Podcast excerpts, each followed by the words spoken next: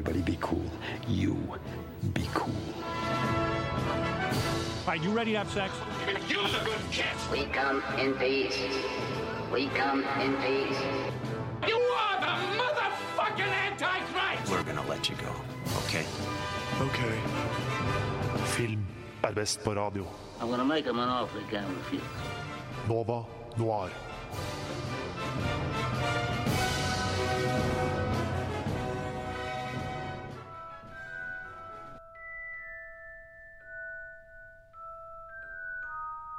Velkommen, velkommen til den sendinga jeg har gleda meg aller, aller mest til. Harry Potter-sending hos Nova Noir. Jeg har med meg Hanne og Ina i studio. Hei. Og jeg gleder meg så mye. Jeg tenkte vi kunne starte litt med å si hva hus vi er i, for det er jo ganske viktig. Ja, det er klart at det, det har mye med identitet å gjøre. Ja. Veldig. Jeg er jo en utrolig stolt sminger. Ja, eh, for dere som Altså, man ser jo ikke det via radioen, men Ina kommer altså i full eh, Full eh, Slips si? og skjerf og hele greia. ja. Til og med tryllestaven til Sirus Svart. Ja. Jeg skulle gjerne hatt på meg kappe og skjerf og tryllestav og øredobber fordi at jeg er ravnklo av hele mitt Ja. hjerte. Eh, og har selvfølgelig Luna Lune Lovegood, Lulla Lunekjær sin tryllestav. Ja, fantastisk. Jeg har jo det samme, så eh, alt det ligger i Ålesund, men eh, it's OK. Vi er på radioen. Ingen skal se oss. Hanne, vil du fortelle hvordan du oppdaga Harry Potter? Oh, um, ja, jeg leste alle bøkene som barn. Mamma leste de første to eller tre bøkene for meg. Å, så hyggelig. Uh, ja, vi har veldig sånn eh, god tradisjon for å lese i familien. Så det samme har vi selvfølgelig gjort med min lillesøster, som er elleve år yngre enn meg. Og jeg kan stolt si at hun er like ihuga Harry Potter-fan som jeg ønsket at hun skulle bli. Å, det er fantastisk. Altså, Hvis jeg får barn så, og de ikke liker Harry Potter, så får de flytte et annet sted. Rett og slett. Du Reina? Ja, nei, veldig det samme, egentlig. Uh, begynte med at mamma leste Jeg tror jeg har lest eneren 20 ganger eller noe, jeg, fordi den har liksom både blitt lest til meg, og jeg har lest den. Og etter det så har jeg også hatt Det var jo den dealen at jeg fikk ikke lov til å se filmene før jeg hadde lest boka. Ja. Så da ble det jo fort at jeg måtte lese de så fort jeg kunne. Og de har jo vært åh, en så utrolig stor del av oppveksten min. Ja, det blir jo sånn. Jeg husker jeg lurte meg til å ligge og lese Harry Potter hele nettene, og mamma kommer, og jeg hører skrittet hennes. Jeg skrur av lyset og later som jeg sover, og med en gang jeg hørte skrittet hennes forsvinne, da var det på igjen med lyset og frem igjen med Harry Potter-boka. Ja, men hva med forholdet til filmene, da? Fordi at for min del så et, Altså, jeg har Fra barndommen er det film, den andre filmen, 'Mysteriekammeret', som er den på en måte jeg har mest minner til. For den hadde jeg på VHS hos bestemoren min, og så den hver gang jeg var Ja. der. Nei, jeg hadde vel en av de toeren på VHS, og så hadde jeg de andre på DVD. Og da var det jo eh, Vi så jo Det var jo på en måte lenge før de siste filmene kom ut, eh, så vi så jo bare om igjen og om igjen og om igjen eh, de første filmene, så de har jeg sett veldig mange ganger.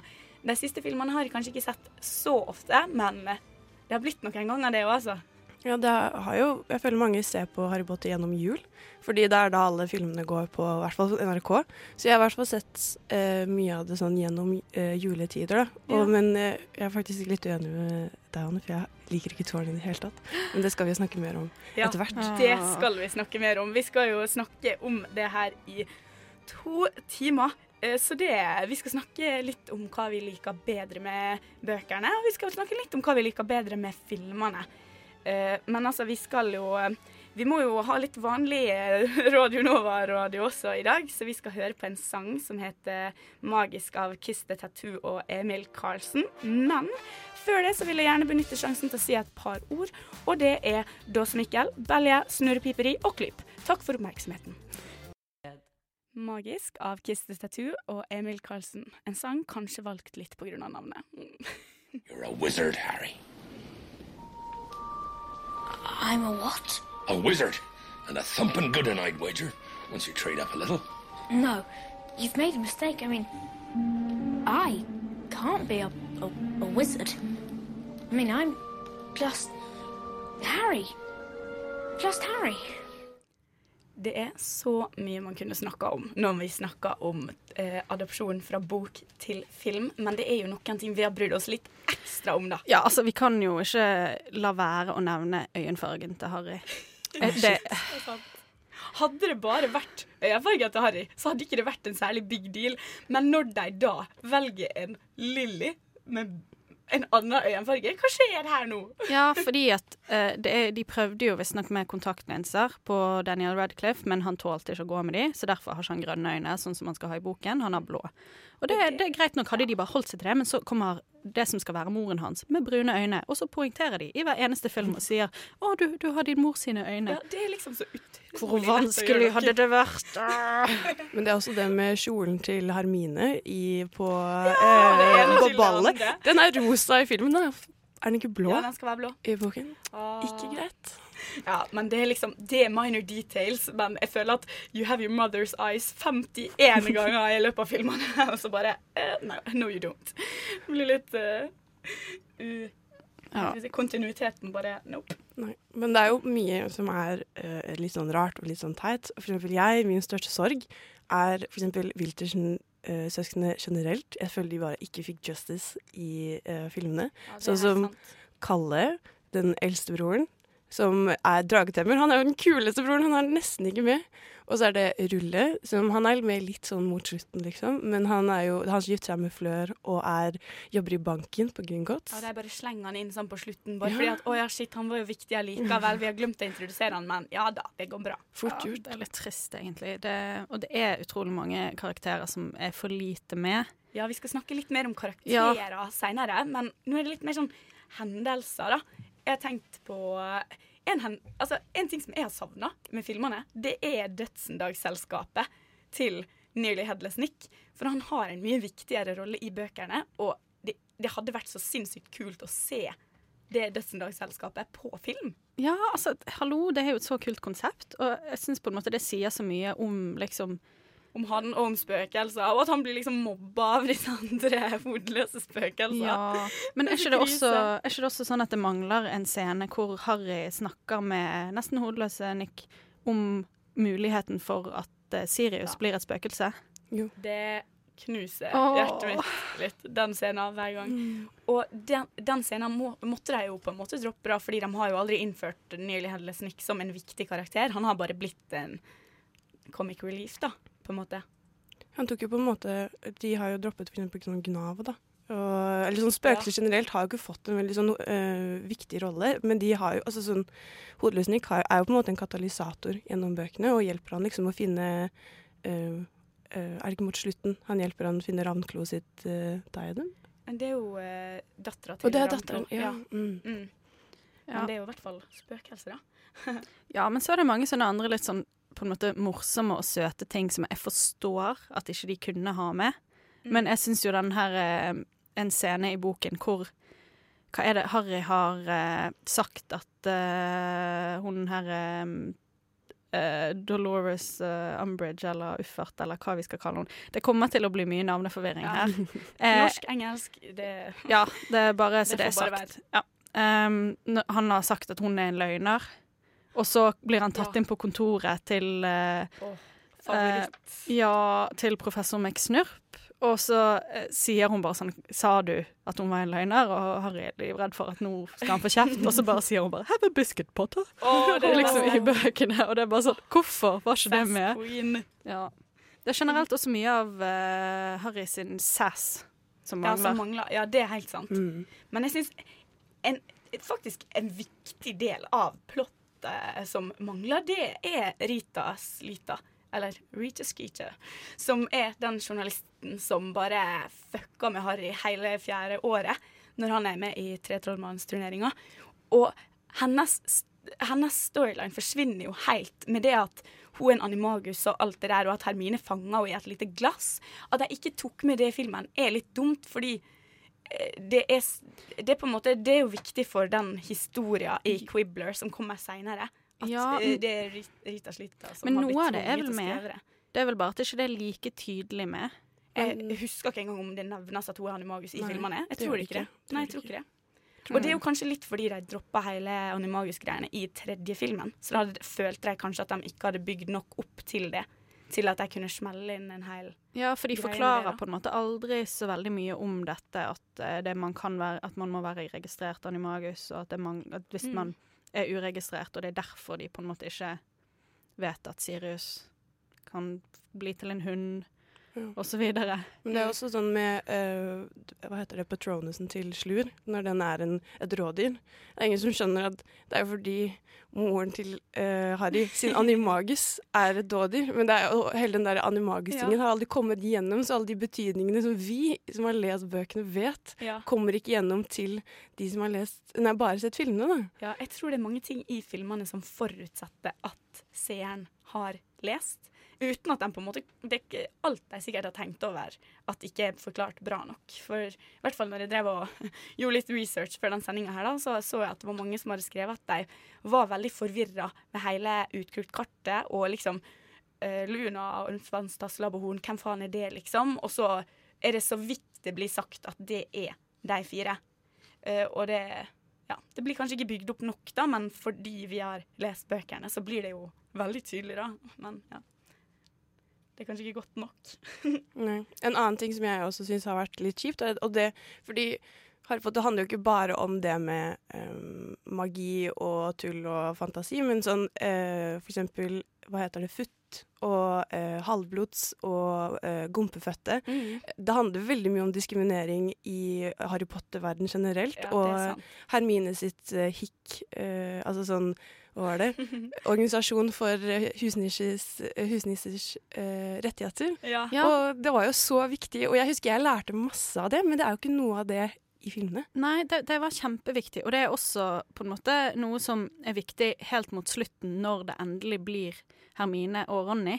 Ja. Fordi at deres kyss, deres første kyss i filmen, er ikke sånn som det er i bøkene, og som på en måte er en viktig grunn til at Hermine bare kaster seg over Ronny, er fordi at når liksom den store Battle of Hogwarts er i gang, så kommer Ronny plutselig på hva med husnissene?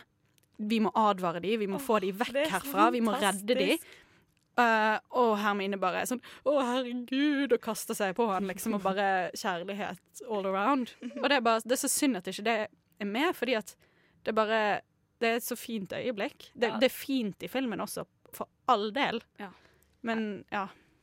Det er faktisk veldig det, Ja, det, man kan jo snakke om det her dritlenge, og vi skal snart fortsette. Men før det så smeller vi inn en sang fra filmene. 'Double Trouble'. Double Trouble fra da den tredje filmen, komponert av John Williams. Stop, stop. You're going to take someone's eye out. Besides, you're saying it wrong. It's Leviosa, not Leviosa. Ikonisk. Ikonisk. Må får inn litt av det vi liker veldig godt med filmene. Altså. Nei, vi skal fortsette å si litt ting som vi syns kanskje burde ha vært med i filmene, da, som gjorde seg så godt i bøkene og kunne gjort seg godt på skjermen. Og ei scene jeg har tenkt mye på, er scenen på sykehuset i den femte filmen. Når Arthur Wiltersen ligger på, på St. Mungos, Mung, Mung, St. Mongos Hospital, yes. Eh, og ligger der da og har blitt bitt av Nagini-slangen til Voldemort. Og hele Wiltersen-familien og Harry og Hermine drar for å besøke han. Og altså, på vei opp Det er jo litt det, er det morsomme med den scenen. Da. På vei opp, hvem er det de møter andre enn Gylleprins Gullmedal? Throwback til uh, Mysteriekammeret. Uh, og der ligger han og er fortsatt uh, Forvirret. ja, han er fortsatt hjerneskada av sin egen forbannelse som for tre år siden. Det er liksom både sykt morsomt og ganske trist. Ja. oh. Og han er jo like lættis og sjarmerer alle sykepleierne og er komisk. Men det som er det viktigste med den scenen, er at den sier så utrolig mye om Nilus sin karakter. For de kommer opp til et av rommene der de ser Nilus og bestemora si besøke foreldra til Nilus som ikke husker han. Å, det er så hjerteskjærende, og det sier så mye, og det er så viktig for å forklare hvem Nilus er, hvorfor han er så forsiktig og redd og alt sånt, og på en måte det, det bare forklarer hele hans karakter og gir det en sånn dimensjon som man aldri får se i filmene. Mm, helt sant. Ja, det er så hjerteskjærende når hun kommer bort til han, og så er det sånn Ja, en gave til deg, og så er det sånn Hva er det, tyggispapir Ja, eller et eller annet sånt. Og bestemor er helt sånn Nei, bare, bare eh, ta det, så går det sikkert greit. Ja. Og det er bare sånn Julius så skjønner jo at han bare elsker all oppmerksomhet han får fra moren sin. Ja, han putter den inn i lomma, selv om han har nok tyggispapir til å tapetsere hele rommet sitt. Ja. Og, men jeg husker ikke helt, men er det med i filmene at i, i profesien kun Profetien eh, heter det kanskje på norsk. Ja. Eh, at, at han kunne vært the chosen one. Jeg Nei, det, det. tror jeg faktisk er helt utelatt. Og det er jo det er jo Nilus. Det er jo poenget, på en måte. Oh. Det kunne vært han like godt som det var Harry, men Voldemort valgte sin like. Det er så viktig. Åh, ja, nei, jeg bare åh, Det blir litt trist av at ikke den karakteren får på en måte det som han fortjener, og som er viktig, og som gjør at folk skjønner at han er ikke bare en pingle. Han har på en måte så mange traumer i fortiden som gjør at han er redd for verden. Forståelig nok, det er en jævlig verden. Ja, og så har han en ganske skummel bestemor. Han får litt redemption da, når han eh, dreper Naginini. Ja, ja. Eller Nagini. Ja. Jeg husker hva hun Nagini. Nagini. Men han er jo også første gang han, eh, Nilus får litt mer sånn creds for eh, Eller for at han er litt modig, da. Det er jo, eller bortsett fra i eneren, når han får de poengene. Eh, så er jo det når han blir med til mysterieavdelinga i femmeren, i Order of the Phoenix. Men der er det jo også mye som kunne gjort seg så utrolig bra på skjermen. Jeg tenker på når de går ned i mysterieavdelinga der, de kommer inn i det første rommet, det er mange dører, de vet ikke hvor de skal. Og i hver dør så er det et nytt, en, liksom en ny challenge, et nytt rom der de møter på sånn sjuke, sjuke ting. Og det hadde vært så utrolig kult å få se det på film, da. Med det rommet der det er sånn hjerner som flyter rundt nedi denne tanken. Og, nei, Ja, det hadde jeg vært så det, kult. jeg tror det hadde gjort seg. Altså, fordi at i min Altså, det, jeg syns at det er den dårligste filmen, for å være helt ærlig. Nummer fem. Ja, jeg husker nesten ingenting, fordi jeg husker at jeg syns den var kjedelig, nesten. Eller sånn skuffende. Jo, jeg, altså, jeg har, jeg har ikke sett den igjen på veldig lenge, så det kan jo hende at jeg bare Jeg vet ikke, men jeg bare Jeg syns det var så mye som manglet, og som bare var feil, og at det var litt sånn de brukte ikke Eller det bare var ikke riktig. Jeg vet ikke hvordan jeg skal forklare det. Jeg burde ha sett den på nytt for å liksom kunne argumentere bedre for det, men ja. Nei, jeg syns Men det, jeg tror det er litt det at uh, de valgte å ta bort så mye for å gjøre det til en god film. Litt sånn som de gjorde på en måte i treeren. Jeg syns, jeg syns de fikk det til å funke. Altså. Det er Ja. den lengste boka. Hadde de, gjort, hadde de gjort det samme som toeren, da Toeren er den som er mest tro til boka, og det er den jeg liker minst, faktisk. Og det er veldig rart, egentlig, da, fordi nå sitter vi her og bare sutrer og klager over alt som mangler, men i den filmen de faktisk stappa inn i alt, så blir det filmmessig blir det litt dårligere. I femmeren skulle de filmene tatt med alt, så hadde de filmene vart i sju timer, ikke sant. Så det, det går jo ikke. Ja, jeg skjønner godt at ikke de kunne ta med alt, men jeg bare ja, Jeg syns det ble litt platt. Treeren er jo den folk liker best, og den er jo den der kanskje minst fra bøkene som er med. For de har tatt så mange kreative valg for å gjøre det til en mer filmvennlig Ja. Eller sånn, ja. Ja, men der funker det. ja, ikke sant? Og da ser du jo forskjellen på Og det var jo samme John Williams hadde, Nei, det var han som lagde musikken. Hvem var det som mm. regisserte? Det husker jeg ikke. hva han heter Alfonso Cuarón, eller noe. Ja, Ja. der har du han, vet du. Mm. oh, nei, det er, så, det er så mye, da. Ja, I kan jeg den- si en uh, Ja, ting til som jeg på. syns på en måte Det var kanskje ikke veldig viktig, men jeg syns at det er synd at ikke det er med, og det er at Harry gir pengene han vinner for uh, Triwizard Tournament til eh, Fred og George, eller Fred Ja, og Frank. hvor realistisk er det at to studenter bare klarer å åpne opp sånn den sjukeste Ja, fra en fattig familie, Ja. mind you, som vi har blitt minnet på hver film, liksom. Ja, men det er nettopp det òg, at bare Harry, han trenger ikke de pengene. Og det bare viser noe veldig fint med hans karakter. At det er liksom sånn det, er ikke, det var ikke viktig for han, og det, det, han meldte seg jo ikke på frivillig. Han ville ikke ha de pengene. Mm. Og så gir han det til noen som ikke orker å gå på skolen mer og bare vil gjøre, realisere sin drøm. Ja. Og jeg bare syns det er skikkelig fint. ja, hele Wiltersen, eh, Wiltersens verste er jo dritgøy. Jeg skulle ønske vi hadde sett mer. Vi får jo se litt da når de driver og gir Ja. sånne godteri til førsteklassinger og sånne ting, men ja. Det er Bare generelt gøy, mer av deres pranks kunne vært med. Ja. Bare fordi det er så gøy. Men det er, jeg skjønner jo, det er jo ikke viktig for historien Nei. eller framgangen i filmen eller noe sånt, egentlig. Ja. Men det er jo gøy å se opprøret hele skolen gjør da, når de, når de faktisk slutter. Og den scenen er jo grand i filmen, men den er jo enda større i bøkene. Ja. Og de lager en sump utenfor kontoret hennes som hun ikke greier å få bort. Og det er liksom Det er sånn hele skolen går imot henne, og alle lærerne. Og nei, det syns jeg hadde Det hadde også vært så sykt morsomt på film, da.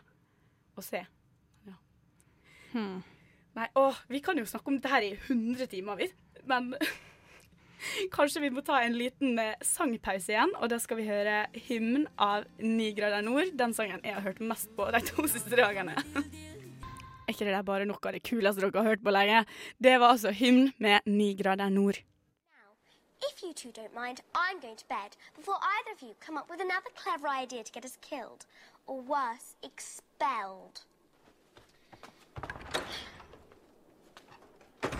She needs to sort her priorities.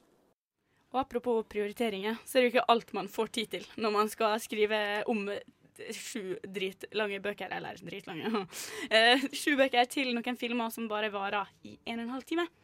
Så da er det jo ikke alt som kommer med, og heller ikke alle som kommer med. Så nå skal vi snakke litt om de karakterene vi savner mest. Ja, hvem savner du mest, Tone? Det er vanskelig å si, eh, men jeg tror nok det må bli Gnav, som er poltergeist på Galtvort. Han er da en liten røver som flyr rundt, kaster kritt i hodet på elevene, plager Nilus, stakkars, og egentlig alle andre. Roper fornærmelser til alle som går forbi, og plager livet av lærerne. Ja, det er skikkelig gøy, faktisk. Uh, og, og han driver vel på en måte sammen med Fred og George og liksom pranker litt ekstra. Jeg føler at de sammen bare gjør det mye festligere å være elev på Galtvort. Ja, jeg syns han er savnet av Men jeg, helt ærlig, har ikke så mye mot at Gnav ikke er med. For jeg likte aldri Gnav. Jeg syns han var sykt ekkel og slitsom i Han er jo slau, men han har liksom alltid en morsom kommentar som er bare sånn Å nei, der er du igjen. Ja, og jeg synes bare, Men han har jo vært litt sånn Han har hjulpet de veldig når det kommer til eh, Nask og sånn. da, At han liksom Ja. har lurt han og vært sånn Å, jeg later som jeg skal pranke dere, men så skal jeg egentlig bare pranke Nask. Han elsker jo å flagge han. Ikke sant? Så jeg syns det er egentlig eh, kult, men jeg, jeg savner ikke han så mye, så jeg skjønner på en måte hvorfor han ble cut. Ja, men så OK, greit. Hvem savner du mer? Nei, altså, jeg liker, savner jo Blunka, som er Ja. tidenes uh, mest alkoholiserte husnisse. som bare Hvis du har Noldus, da, som er liksom supersøt, koselig fyr, og så har du Blunka, som er sånn deprimert, hater alle, Hermine, som bare prøver å kaste kjærlighet på henne, men hun vil aldri ta det imot. Aldri, aldri. Og hun sitter der og drikker smørterøl som da nesten ikke har alkohol i det hele tatt. Man blir shitface, drita og bare griner og søler på seg. Og, ja. Og hun er jo så viktig i den så igjen, da, husnissetingen, eller sånn rettighetene. Hun ble helt forferdelig behandlet av eieren sin, ble bare kastet på dør hvis hun gjorde noe feil. Så har hun plutselig ikke Hva er det hun skal gjøre med livet sitt nå? Jobbe på kjøkkenet på Galtvort? Mm. Og så syns jeg hun har en litt viktig rolle også, siden det var hun, det var hun som skulle passe på uh, Barty Crouch jr. da han klarte å rømme på Uh, den uh, Quidditch, World Cup, uh, Quidditch World Cup og faktisk sendte opp dødsmerket og Ja. kom tilbake til Voldemort. Det er Det, å, det hadde jeg helt glemt. Ja, men der er jo hun er faktisk veldig sentral. sentral. Det er sant. Hva med du, Anne? Ja, nei, jeg vet ikke om jeg savner noen karakterer. Jeg bare savner noen karaktertrekk, Ja. hvis jeg kan si det sånn. Det. Særlig eh, Ronny sin karakter blir altså gjort mindre bra i filmen, rett og slett. Ja, Han, det er helt sant. Alle hans liksom morsomme ting blir er fortsatt der, og han skal liksom være litt sånn comic relief. Og litt men, dum. Ja, og litt dum. Men det er nettopp det som er problemet. At han, ja, han er litt dum, men han glimter også til, og er en skikkelig god venn. Og veldig mange av hans på en måte gode, sånn kloke resonnement blir gitt til Hermine. Uh, og mindre av på en måte hvor god venn han er, hvor støttende han er, og sånn blir med, da, fordi de lager et enda større poeng av når han er uenig med Harry, og at han liksom føler seg så oversett og alt sånt, da. Han blir jo også prefekt i bøkene, noe som jeg synes, og det er jo veldig viktig for hans historie, egentlig. For han blir jo alltid liksom overshadowed og veldig sånn satt til side da, for Harry. Viser at det er litt det i bøkene òg, men i hvert fall han får litt mer sånn hva heter det En st litt større rolle og en litt dypere karakter da, i bøkene, syns jeg. Ja. og en annen som også får det, er jo eh, Lulla Lunekjær. jeg elsker henne. Ja, og hun er jo på en måte ganske hun er mye mer sentral. Hun, hun får heldigvis god plass i filmene eh, noen steder. Det gjør hun. Men hun er jo Å få fram det at hun har vært helt alene, nesten, og når hun endelig da blir på en måte inkludert litt i gjengen til Harry, Ronny, Hermine og Nilus og Gulla, så blir hun så glad. Hun setter så utrolig stor pris på det. Og når de da besøker faren hennes i huset sitt senere, så har hun malt dem i taket og skrevet sånn 'venner' med gullskrift, og det er så fint. Åh, ja, det er skikkelig trist. Ja, jeg syns også det er veldig uh, Mitt favorittforhold, kanskje, i Harry Potter er forholdet mellom Lupus og uh, Dult. Ja. Og det Dult er en karakter jeg syns det er så kjipt at hun ikke fikk mer plass, for hun var så sykt kul. Jeg husker jeg elsket henne. For hun var liksom Hun hadde det crazy håret, og hun var hadde litt sånn, bare en veldig kul attitude, og i filmene så blir hun bare sånn redusert til en litt sånn badass Ja, jente. Og hun er ikke sånn sprudlende. Og hele den, når hun går inn i den depresjonen sin i Er det fireren eller femmeren? Det, ja, det er vel i femmeren Nei, i sekseren blir det vel fordi etter Sirius døde og Lupus Ja. ikke vil ha Eller prøver å trekke seg unna, og hun er jo så forelska. Ja. Og det er så trist! Det Harry knuser tror- hjertet mitt. Harry tror hun var forelsket i Sirius hele tiden, for hun har liksom Animagusen er en ulv eller noe, eller en Ja, det har blitt en hund. Ja, altså, Animagusen hennes har jo egentlig blitt en varulv, men mm. han tror det er Grimmen, så han tror at Animagusen er Sirius, men så er det egentlig Lupus. Ja. Åh, det, og det, det er bare ikke med i det hele tatt. Hun er liksom litt sånn en forglemmelig karakter i filmene. Ja, enig. Det er jo det mot, i den siste filmen, når de liksom ligger og holder hender mens de er, når de har dødd. Alle, jeg var helt sånn nei! Men det var ingen som var sånn ja, hvem var det igjen, egentlig? Ja, det var han fra treeren, det. Og da skjønner jeg, ja. Så sånne ting. Og sønnen deres, Teddy. Herregud, Teddy var jo så søt. Og han, når han, de får sånn tilbakeblikk når de er eldre og sånn, han har jo blitt en del av familien, han òg. Ja, det er faktisk Dødstrist. viktig. Ja, altså, eh, En ting jeg eh, irriterer meg litt over, som er at uh, hele denne Bourbaton, eller hva vi kaller den skolen, Ja. er blitt gjort til en ren jenteskole i filmene. Ja, Sant? Men Fordi- og, og med motsatt uh, Ja. Dumstrang. Ja, men, ja, f- men det er f- Jeg Var tror- ikke det en Jeg tror det også eh, er bare begge kjønn, altså. Okay. Jeg I bøkene. Jeg kan, jo, jeg er rimelig sikker, for jeg tror at eh, Harry ser ei jente fra Durmstrang med en fra Galtforteller. Ja, okay. Men uansett så syns jeg det er på en måte nesten mer irriterende at det er blitt gjort bare sånn å, jente-gutteskole, men også fordi at det tar så mye vekk fra eh, Flør. Fordi Ja. at hun er liksom den beste av både guttene og jentene. Men hun, hun blir bare gjort til den, liksom den svakeste i liksom Triwizard Tournament. Eh, og på en måte ah, ja. Hun var jo halvt vila, og de villaene er man jo ikke i det hele tatt. De er jo sånne uh, skapninger som forfører menn og er skikkelig og sånn sterke. Ronny. ja, og det syns jeg er så dumt at uh, de, hun ikke fikk det. da. Hun er jo ganske uh, kul karakter, egentlig. Det hadde vært utrolig, utrolig morsomt om de hadde med den scenen. Eller, det har jo på en måte Når han spør henne? litt ved, Ja, men at når han spør henne, han blir på en måte fengsla, den, den magien som ligger bak det, da. Men nei, det blir på en måte ikke gjort like mye med i filmen da. Det hadde vært veldig gøy. Ja, det er altså min sånn OK. Humlesnurr er min, en av mine sånn brannfakler, fordi hvem, veldig mange liker humlesnurr, men det gjør ikke jeg. Altså, Humlesnurr de har jo ikke med noe av sånn backstoryen hans. som var sånn, eh, de, har ikke, de nevner så vidt sånn han og Grindelwald. Og skal vi glemme at Humlesnurr var sånn low-key rasist for sånn lenge siden. Hæ? Ja, Grindelwald er jo rasist. Det er jo sånn, ja, ja, mot, mot gompene og sånn. ja, Ja. og de var jo sammen og skulle lage sånn stor For det felles beste. Det er sånn Frp, liksom. No thanks. Og altså hele med broren og søsteren. Og det, var sånn, det blir så sykt redusert, og så er han skikkelig dick mot Harry. Og bare kaster han ut i sånne Ja. farlige ting. Men, men det er jo Det er han jo, og han bare liksom kan ikke si noen ting rett ut noen gang, og bare skal gi alle disse Det er én ting å si gåter. veldig rett ut, da, som man egentlig skal si rolig, og det er Og for de som faktisk forsto hva jeg sa nå, creds til dere. Men ja. Nei, så jeg syns Humlesnurr er eh, en karakter som burde fått litt mer shame i filmene. Fordi, og generelt i bøkene, for ikke sånn folk skjønner hvor douche han var. Jo, du, ja, men han, han gjør sitt beste. Gjør han det? Ja. Gjør han virkelig Tenk det? da alt det han gjorde, bygde opp til den avslutningen. Han var borte sånn hele sekseren, og det var sånn Jeg skal gjøre ja, viktige ting. var, ja, det var, det var idiotisk. Og han bare plasserer Harry i et sånn forferdelig hjem hvor han blir sånn uh, være verbalt plaget. Og det er bare helt forferdelig oppførsel. Men han, han sier jo det til dumlinga nå, da. Han sier jo at ja, Men han måtte plassere han der, for han måtte være med blodet fra mora si, og det er Petunia, som er den eneste gjenlevende slektningen. Han måtte plasseres der. Og Humlesnurr ga dem beskjed om at de skulle gi han kjærlighet og oppdra han som sin egen sønn. Og 'you have not done as I said', eller et eller annet, sier han, og så er han bare sånn Ja, men Det tok han så mange år å finne ut av det, da. Ja, men kun, jo, for det er nettopp det kunne ikke han bare fått forklart det til Harry litt før, sånn at det i hvert fall ga litt mening for han å være der også. Ja. Harry skulle faktisk fått bodd på Galtvort i sommerferien. Uansett hvor stusslig og trist det hadde vært å gå der alene, så hadde han faktisk eh, heller hatt det bedre der enn hjemme. Ja, Han kunne bodd hos Wiltersen, han kunne bodd hos Lupus. Ja, men der er ikke blodet fra, liksom. Men da har han en familie som liker han! Ja.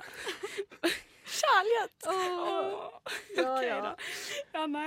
Uff, det her går jo over alle hauger. Eh, kanskje vi bare skal Ja! Vi må være litt positive. Så nå syns jeg vi skal høre på en sang fra den vakreste scenen i Harry Potter omtrent. Og det er Oh Children av Nick Cave and The Bad Seeds. Oh Children av Nick Cave and The Bad Seeds. Og det er jo ei scene som de fleste eh, liker veldig godt. Jeg liker den så godt fordi jeg syns det ikke er en sexual tension mellom Harry og Hermine. Man ser bare at de er glad i hverandre, de er venner, og de må støtte hverandre. Ja, synes det er skikkelig fint. Det er ordentlig platonisk kjærlighet mellom de to. Det er det. Og det er liksom Det viser på en måte hvor hardt de prøver å liksom holde humøret oppe i den vanskelige tiden, og på en måte hvor de trenger noen lyspunkter når det er så mørkt. Og det er bare Det er fint og passer liksom med tematikken i hele serien. Det blir bare Enig. Men det er også en av de scenene som man kanskje ikke får Den er jo ikke med i boka. Og sånn andre scener som har blitt mye mer visuelt fine i filmene, er jo f.eks. når Hermine skal hva, Hun skal fjerne foreldre, eller fjerne minnet sitt da, fra foreldrene. Altså få foreldrene til å glemme seg i slutten. Og det får man bare høre om i bøkene, men den scenen Jeg har grått hjert- så mye. Samme her. Ja, Jeg det satt er og jo- så bare den scenen i forgårs og døde. Ja, det er jo delvis det de åpner den første Dødstalisman-filmen med. Og det, det, det er bare så vondt, og hun har det så vondt, men hun gjør det liksom bare ut av kjærlighet da, for å beskytte foreldrene sine. Åh. Det er en utrolig bra skuespillerprestasjon også, syns jeg. Fordi du ser virkelig smerten. Den, den er så virkningsfull, da. Når du når, Og så Nei, tenk. Du får foreldrene dine til å glemme det for å beskytte dem, liksom. Offra, da ofrer hun seg sjøl, på en måte, for å beskytte foreldrene sine. Ja, nei, det er fantastisk. Men Tone, du er jo ganske negativ til eh, hva de har fjernet i filmene. Men hva er det du, annet enn det her, da, du syns er eh, veldig fint? Ja, jeg, jeg, jeg må jo presisere det at jeg liker filmene godt. Nå har vi bare på en måte fått lov til å få litt sånn utblåsning her, da. Men en ting jeg elsker som filmen har gjort, som ikke boka gjorde, det var at det er Lulla Lunekjær som viser Harry Dystralane i Harry Potter Føniksordenen. Når Harry ser dystralene trekke vognene for første gang, og han skjønner ikke hva disse dyra her er for noe, og så ser ikke Har eh, Ronny og Hermine ser dem ikke, og tror jo at Harry har blitt helt sprø, og det tror han nesten sjøl også. Og han er skikkelig Han har veldig sånn indre konflikt over det der, da, for han skjønner jo ikke hvorfor han kan se dem nå og aldri har sett dem før. Og i bøkene så er det Gygrid som viser han dem, men jeg syns det er utrolig fint og uh, gir Lulla et sånn litt sånn dypere lag som hun ikke hadde hatt tid til å få i filmene ellers, med det at hun også kan se dem fordi hun har sett mora si dø. Ja, Nevner de hvordan hun døde i filmene? Jeg tror det. Hun døde jo når hun- Eh, At hun likte å eksperimentere litt Ja. og sånn, tror jeg de sier. Ja. Det er lenge siden jeg har sett filmene. Ja, nei, det, jeg syns det er skikkelig fint at, at vi får på en måte Altså det der med at det er liksom smerte å ha sett noen dø som gjør at du kan se disse dyrene, og det er jo bare utrolig merkelig, egentlig, men så fint òg. Og så at man har jo sett disse vognene i filmene før. Trille liksom uten noe som drar de, og så tenker man jo at å, det er magi i vogner som kjører sjøl. Og så får man det laget med liksom nei, det er faktisk noe som trekker de, men det er bare nesten ingen av disse barna kan se de. Mm. Og så åh, Og hvor ja. trist det egentlig er da, at noen av barna kan se det i det hele tatt. Nei, det er en av mine favorittscener, som ikke er med i bøkene, er når Det er vel i syv eh, del to, og da er det når Max Nurf, herregud, Max Nurf, den kuleste læreren noensinne, skal endelig liksom vise hva Galtort har å by på. Så husker jeg ikke hva trylleformen er, men hun bare får alle ridderne til å komme ut av Eller sånn, de steinridderne, og hun er bare sånn I always wanted to do that. Det var sykt bra scene. Hun er så søt, altså. Åh. Åh, fantastisk. Det er veldig kult. Ja, det sier litt på en måte at liksom hun kan finne noe positivt ved den situasjonen der også, på en måte. Ja. Eh, på, vi snakket jo en del om litt karakterer som manglet eller som var dårligere. Men så har vi én karakter jeg syns er bedre i filmene. Mm. Slur, Ja. eller Snape. Fordi at hvor fantastisk er ikke Alan Rickman? Og hvor mye tar ikke han med seg til denne utrolig usympatiske, kjipe, fæle Drittfyren. Oh. Bare det at Ellen Rickman kan å vaske håret, hjelper jo litt på. Sant. Men han er jo Slur er jo utrolig sånn ekkel og en litt sånn rar figur i bøkene. Sånn, han er sånn, sånn eh, kjempeslem mot alle elevene, spesielt Harry da, åpenbart. Og ja, han var kjempeforelsket i moren din, og han var skikkelig sint for at hun ikke vil bli sammen med meg, så nå skal jeg være sint på barnet hennes. Crazy stalker, ja. kaller vi det. ja, ja, og det gir jo virkelig ikke mening. Og liksom sånn uh. Men altså, her hele den der, oh, det er jo litt mer det at han hater faren hans så mye, og når han da ser Harry som er så lik faren sin, som han ikke er i filmen, da, men som er i bøkene, som er så lik faren sin, så kan jo jeg på en måte Altså, jeg skjønner at han er sint, og jeg skjønner at han har en motvilje, men jeg syns faktisk at det er lagt litt for mye jævlighet i den karakteren. Akkurat så mye at det ikke kan forsvares med at det er bra skuespill for å lure Voldemort. Men, men i filmene får du seg glimt av at han egentlig er liksom ganske god og flink og sånn. I treeren, når de etter at Eller idet liksom Lupus blir til varulv, Mm. og Ronny sitter der med bitt i foten og alt sånt, så kommer jo egentlig han bundet i en eller annen sånn merkelig sånn flytetrylleformel. Ja, Bare flyter han ut av treet, liksom. Men eh, i filmen så kommer han jo faktisk på en måte og hjelper de og beskytter de. Og, Ja, han stiller seg foran barna, og det, det er faktisk veldig fint. Da, det liker jeg også faktisk at jeg har i filmene. Men det er også i Er det ikke syv del én, hvor eh, Max Nurp eh, Hva er det hun prøver å Å, de kommer til slottet, og så prøver han å eh, hva, Expelliarmus fjerne tryllestaven til Slur, og når han stikker av, så er det ikke Hvis man tar sånn Ja, og er ser det i slow motion Ja, men det er den siste filmen. Og den det er på Battle of Hogwarts når Harry kommer og bare How dare you stand where he stood? Og så McGonagall bare pjom, pjom, pjom. Så driver han jo faktisk og dreper eh, han, Misfallene. Ja, De jævla folka. ingen får det med seg. Det er det sjukeste. Ja, det er faktisk helt sjukt. At vi, ja, den må dere gå inn på YouTube, og så må dere se sånn derre uh, uh, Things you missed in Harry Potter movies. Og så må dere faktisk bare se den scenen i sakte film. Ja. og, ja, Så Slur ble liksom en mye mer sympatisk karakter i filmene. Som kanskje ikke mye mer. Bitte litt mer. Ja. Alan Rickman, da. Ja. Gjør alt bedre. Ja. Nei, men jeg liker også uh, ei scene de har putta inn, det som er på en måte mye mer. Det er Det er den flygescenen på Bukknebb i treeren. Og jeg liker den. Alle bare åh. Men ja. eh, fordi i boka så er jo den liksom at Harry sitter drit ukomfortabelt og syns det er helt jævlig å ri på dette jævla dyret. Og jeg bare sånn derre Å, det her er ikke fint i det hele tatt.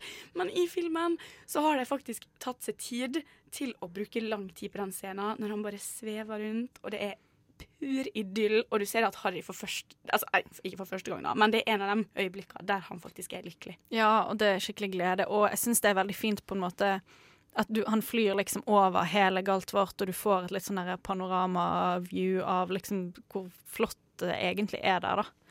Det er fint. Men det savner jeg også, fordi jeg føler vi får jo se masse rare dyr, og altså, det er Bukknebb og alle sammen, men Gygrid sine uh, Care for Magical Creatures-teamet flate! altså, Sprengstjerta strutter! Og det er jo en så Skrutta, viktig del ja. av universet, og du får ikke sett nok, føler jeg. Nei, da. det er sant. Men nå skulle vi være positive, da. Å ja, shit. Men uh... Positiv, positiv. Altså, jeg vil jo bare si at jeg generelt er veldig positiv til den tredje filmen. Det, det er min Ja, man kan jo snakke en evighet om, om den filmen. Bare det vakre sånn visuelle. Ja, At bare den klokka som går igjen i hele Som på en måte matcher det tidstemaet da, som er i tredje boka. Og, Og han- eh, det treet. Eh, hva heter den igjen? Prydepilen. Prydepilen. Vi får se alle årstidene gjennom den i sånne veldig fine sånne små, søte scener hvor den mister alle bladene. Ja, og sånn. rister. Ja, det syns jeg er veldig fint. Ja, enig. Ja, vi bare blir dratt litt sånn inn i det, bare sitter sånn og mimrer og koser oss. Ja, Men en ting òg. Ja. Det skumle i filmene er enda skumlere enn i bøkene.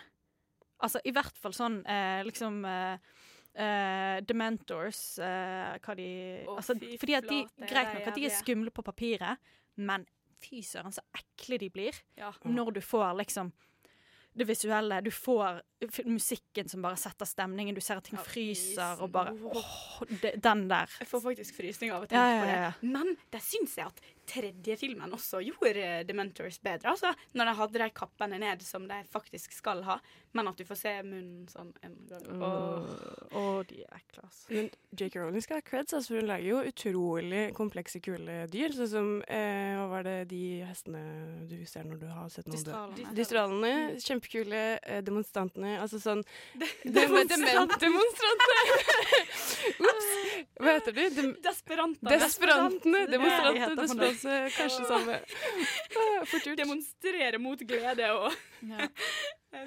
Nei, de er i hvert fall veldig kule, og det har de klart å få skikkelig godt til, syns jeg, i, eh, i filmene. Ja, enig. Ja, og det er bare noen helt utrolig bra skuespillerprestasjoner der også, som gjør det så sterkt. Og der Ja. er jo bare Altså, mine favoritter er i treeren. Med liksom eh, Remus Lupin, som er en sykt fin karakter, og bare de scenene han sammen med Harry er så fine i filmen. Ja, vet du hva? Jeg tror vi skal snakke om skuespillerprestasjonene straks, og så tar vi en liten, ei lita låt. Og da skal vi høre fra fjerde filmen, 'Do the Hippogriff' av Weird Sisters. Daisies, buttermellow. Turn the stupid photo yellow. Det vi fikk høre før det, var 'Do the Hippogriff', Griff, Hippogriff av Weird Sisters, og er bare noe av det lolleste med den filmen.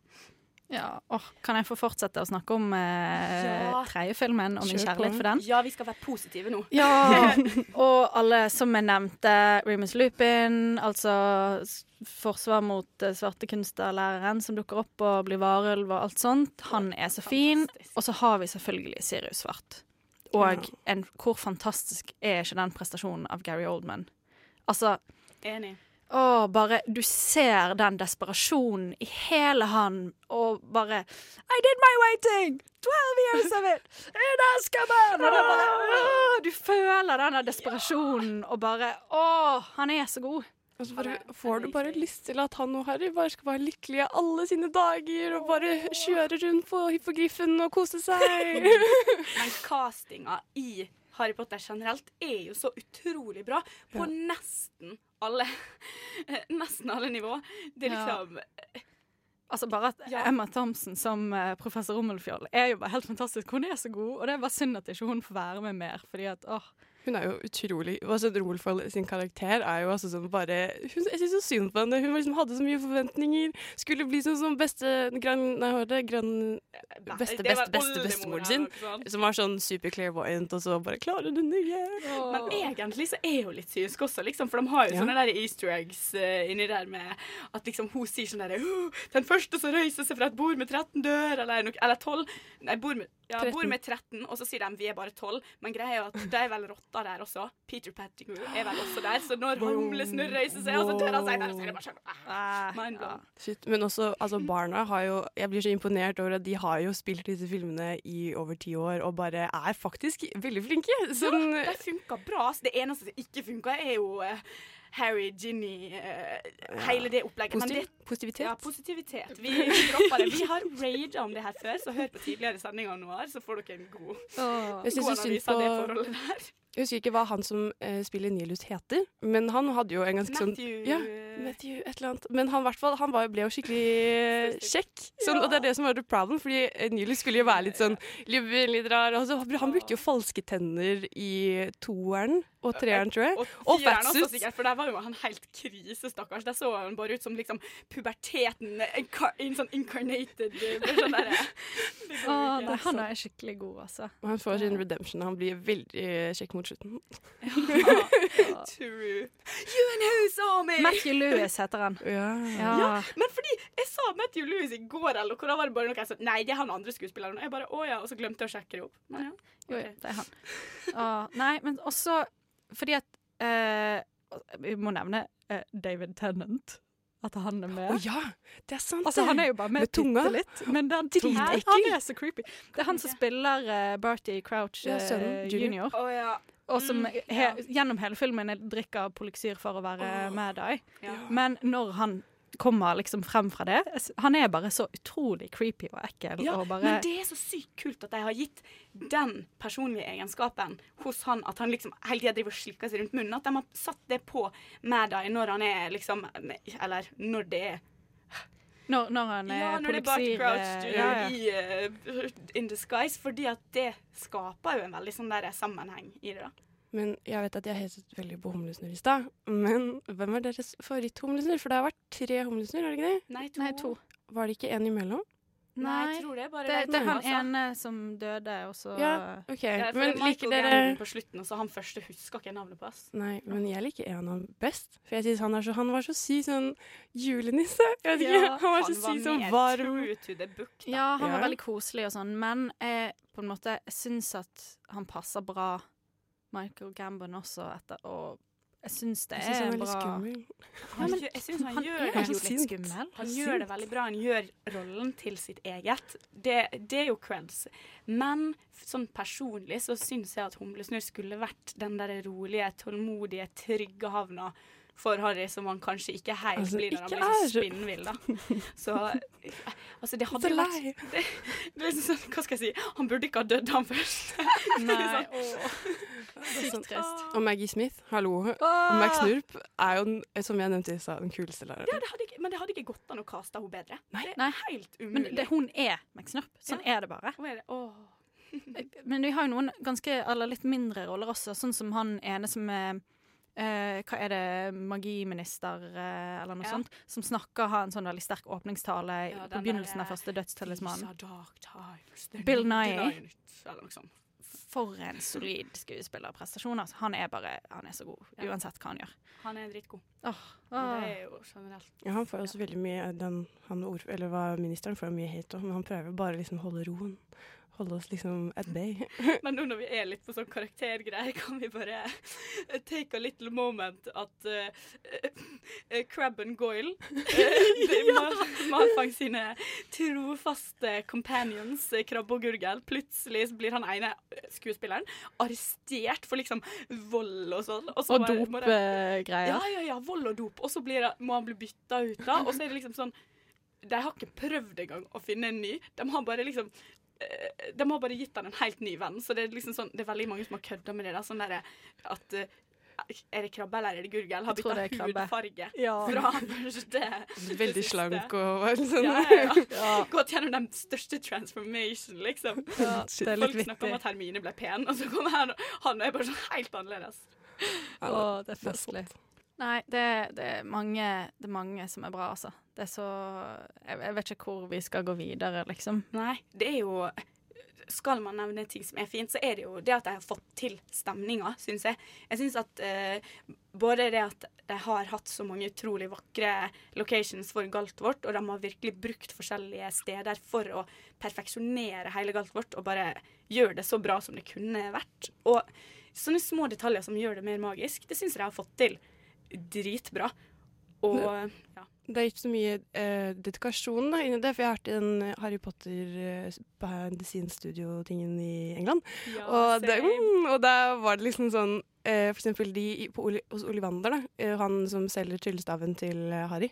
Der er jo alle boksene er, har sånne små lapper hvor det står liksom navnet på eh, boksene, eller navnet på stavene. Og alle de er brukt hånd, håndmalt med sånn teposer, som de har sittet og dabbet da, på papiret, ut. så det skal se gammelt ut. Og det er så sykt detaljert, for det er sånn, hvem er det egentlig som tenker over sånne ting? Ja, Nei, hvem legger merke til det når du ser filmen, liksom? Om de bare hadde på en måte bare klistret på noe tilfeldig eller sånn. Men det er jo de små små detaljene som gjør det så bra. Ja, og hvor mange småting de lager som ikke får egentlig skinne heller i filmene. Sånn, soverommet til Humlesnurr er liksom i bakgrunnen på et par scener, og så er det bare sånn Det har de bygd helt perfekt og hengt inn bilder og sånn, men det blir ikke filma én gang. Men de bare har lagd det fordi at det skal være autentisk, da. I tilfelle, liksom. Ja, det er så sykt kult.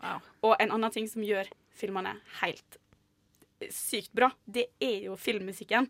Som vi skal snakke om straks. Men før det så skal vi høre Nebraska-land av Computer Magic. Very good. A little louder. Very clear. Listen. Ridiculous. This class is ridiculous. Very good. Det som ikke er ridiculous, er å snakke om Harry Potter i to timer. Uh, vi hørte Nebraska-land av Computer Magic, og Hanne, du skal educate oss om filmmusikken i Harry Potter. Ja, fordi at er det noen tvil om at det er et ikonisk soundtrack? Nei. Eh, og det hele begynte jo med John Williams. In ingen ringere enn John Gud. Williams, som har gått over 40 Oscar-nominasjoner. Han har vunnet fem, annet for High Summer, Star Wars, ET, Schindlers liste. Og det er han som altså står bak den ikoniske Hedwigs theme. Jeg blir blank i øyet, altså. Åh, det, den, altså beautiful. Beautiful. Og den, den går jo igjen liksom gjennom alle filmene, selv om ikke det er John Williams som har laget musikken til alle. Eh, han har laget eh, den for eh, De første tre filmene har han komponert, komponert musikken.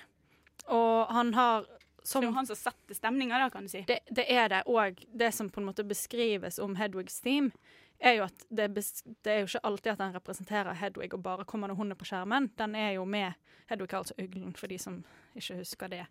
Men det er mer på en måte Det, det representerer liksom ideen om magi og trolldomsverden, og sant, følger liksom hele serien. Innimellom flettes den inn og sånn, og det er bare det er nydelig. Men, Men- bruker ikke Å, nei, Nei, jo. Den brukes ikke den veldig til mye sånn foreshadowing sånn gjennom filmene. Sånn, jeg husker i hvert fall i toeren, så er det jo det at eh, Gilderoy sitt uh, sånn theme uh, er på en måte en um, annen versjon av Hedvigs theme, og det er på en måte for å bevise at han er ikke en sånn ekte magiker. Eller han, det er sånn et eller annet med at han uh, lyver jo hele tiden, da, gjennom, og hver gang den spiller, så liksom hinter de til at det skal komme fram at han egentlig er en, uh, bare en, uh, hva heter det, en fraud. Ja, Nei, shit. det det, er er så gøy fint. med sånne ting. Mm. Når de bare hinter til det, og vi egentlig ikke merker det. Men så er det noen som sitter og analyserer det i ettertid og bare Oh my god, se hva vi ikke fikk med oss. Ja, ja. Og det er jo sånn, det er jo på en måte laget en melodi til så å si alle karakterene som følger sånn, men som forandrer seg etter hvert, da, og liksom Ja. modnes med karakterene, kan man kanskje si. Uh, men uansett, Uh, etter den tredje filmen var det jo en ny komponist som tok over. En fyr som heter Patrick Doyle. Han hadde ikke jeg hørt om før. Han hadde sine beste år i 95 og 96. Da fikk han Oscar-nominerte soundtrack, og siden har han egentlig ikke gjort så mye merkeverdig. Men han har laga fine ting, da. Ja, han har Han har gjort jo det. litt Disney, og soundtrack til Thor er vel et av de på en måte nyeste. Ja, kult. Eh, og, men det er også den filmen med færrest nye musikkstykker, sikkert fordi han bygget veldig på det John Williams hadde. Men så eh, skjedde noe litt rart, nemlig. Fordi at eh, Phoenix-orden så kommer det en ganske ukjent fyr som heter Nicholas Hooper inn. Nykommer. Har ikke gjort, hadde ikke gjort noe særlig stort annet enn litt sånn britisk TV-ting. Wow, kult at jeg tar sjansen på han, da. Det er fordi at han er kompis med David Yates, Nei, ja. som er regissør. um, Grei måte å få seg jobb. Koselig. Ja, ikke sant. Og han bruker også en del eh, av John Williams eh, sine ting, særlig selvfølgelig Hedwigs Theme. Eh, men han legger også en del lydspor som er ganske ikoniske. Det som hører til Umbridge, eksempel. Eh, er sånn som man kan kjenne igjen, eh, og som er veldig sånn hans signatur. Også Weasley Fireworks, noe i den duren. Ja. Og eh, ja, Jeg bare kom på Ja. hvordan han. Jeg fikk litt sånn eh, eh, lyspære over Ja. hodet her. Eh, og det er altså, han har også Halvblodsprinsen. Eh, men der er på en måte, Jeg har lest meg litt rundt det, og det er mange som mener at det er på en måte et av de svakeste eh, soundtrackene. da, At det var ikke så veldig punchy. Jeg kan Eh, ikke uttale meg om det. Altså. Eh, Det er lenge siden jeg har satt og hørt på. Eh, Det var på en måte mer sånn Når jeg gjorde lekser på videregående, og sånn, da hørte jeg alltid på Harry Potter-soundtracket. Mm. Eller sånn, også noe Disney-musikk og noe. ja. Så det. Nei, og det er liksom han Nicholas Hooper Jeg så på IMDb, det ser ikke ut som han har hatt jobb siden omtrent. Så Å, det, jo, eller kanskje noe mer sånn TV-greier. Eh, det kan hende jeg overdriver. Men, men uansett, eh, han ble jo byttet ut før de to siste. Med ingen ringere enn Alexander Desplat, yeah. In My Heart. Eh, og det som på en måte er bemerkelsesverdig med det, da, er at han roer på en måte soundtracket veldig ned. Han er ikke redd Mm. For å bruke stillhet. Det blir så mye mørkere. Veldig sånn tematisk mørkt. Eh, og også en mer på en måte moderne approach enn det John Williams gjorde. Som har en litt mer sånn klassisk, litt, sånn der, litt pompøs, sånn der typisk gammel filmmusikkstil. Mm. Mens Desplat varierer. Han er kjent for å liksom bruke færre, ofte litt rare instrumenter, og ikke alltid full orkester. Eh, og det syns jeg egentlig Det kan du høre at det er ganske kult, da. Men han bruker også en god del av de ikoniske John Williams-tingene og på en måte bygger det sammen til en sånn fin pakke. Jeg synes, ja, Du kan på en måte høre reisen gjennom hele Harry Potter-universet i soundtracket. da. Mm. Ja, det med Desplat Apropos sånn Hedwigs theme, da. eh, Det er jo også Den Hedwigs theme brukes jo i starten av eh, den første filmen, han The Syv del én. Og den, han liksom smelter det inn i en, et stykke som heter Lillys theme. Som eh, på en måte skal, har jeg hørt, da, skal representere sånn håpløshet og um, det å være føles fortapt. Og den spilles sånn bare på sånn tre eller fire andre anledninger. Det er når det er når eh, Slur viser minnene sine, eller når Slur dør, eller liksom forteller om Lilly. Og det brukes bare i den sammenhengen, og det synes jeg er så utrolig fint. Og selv om Slur er en litt teit karakter, så er det fortsatt den kjærligheten han har til Lilly. Den blir så utrolig godt fortalt gjennom musikken. Ja, det er veldig fint, og det er også soundtrack som hører til på en måte eh, vennskapet til Harry og Hermine, men også på en måte romansen mellom eh, Ronny og Hermine, som brukes veldig fint sånn og utvikler seg på en måte med deres forhold, da. Ja.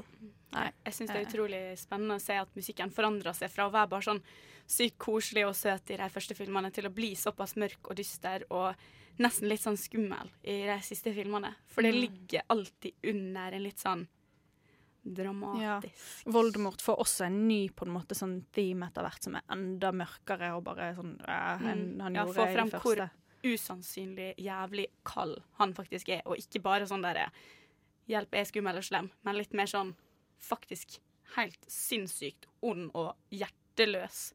Eier ikke empati for noen. Den eh, sangen vi hørte i stad, den 'Double Trouble', som også er skrevet av John Williams, den er jo, apropos sånn uh, foreshadowing og sånn, den er jo, eller frempek, den uh, er basert på et stykke, Er det Macbeth, det er med Shakespeare, med to hekser, Uh, som handler om, da, som, den er jo i starten av filmen, og den sangen handler om sånn magi, paradokser, som er jo det som er liksom en av hovedpoengene i filmen. Eh, Ja, for det er i tredje filmen den kommer. ja, i treeren, Ja. når eh, Hermine driver med den timeturneren sin, og de driver og går fram og tilbake i tid. Og det er det den sangen handler om, så det er utrolig smart hvordan alt bare Å, det er skikkelig gøy! Det er så kult. Ja, veldig kult. Men jeg syns musikk er så utrolig essensielt, og det er så utrolig kult hvordan Ja, Harry Potter er jo kjempeviktig og eh, populært, og folk syns det er kult, men det er også imponerende hvordan soundtrack har blitt så ikonisk. Mm. Sånn som med Star Wars òg. Altså, det har jo utrolig mye å si, da. Alle vet jo Ja, hva ja, det er det liksom er for noe. det, det er jo alle som oss som har vokst opp med disse filmene og sånn, vil jo med en gang vi hører noe som helst musikk, om det bare er liksom, om det ikke det er hovedsoundtrack engang, så bare er det sånn gåsehud der. Ja. Åh, Det er jo brent inn i hjernen. Jeg tror aldri jeg kommer til å liksom, komme ut av det. Og Det er sant, ass. Det er fantastisk. Åh, ja, nei, snart så skal vi gå inn på litt sånn dypere samtaler om livet og døden i Harry Potter. Vi skal få besøk i studio av en vaskeekte filosof. Men før det så skal vi høre på Han av Luna.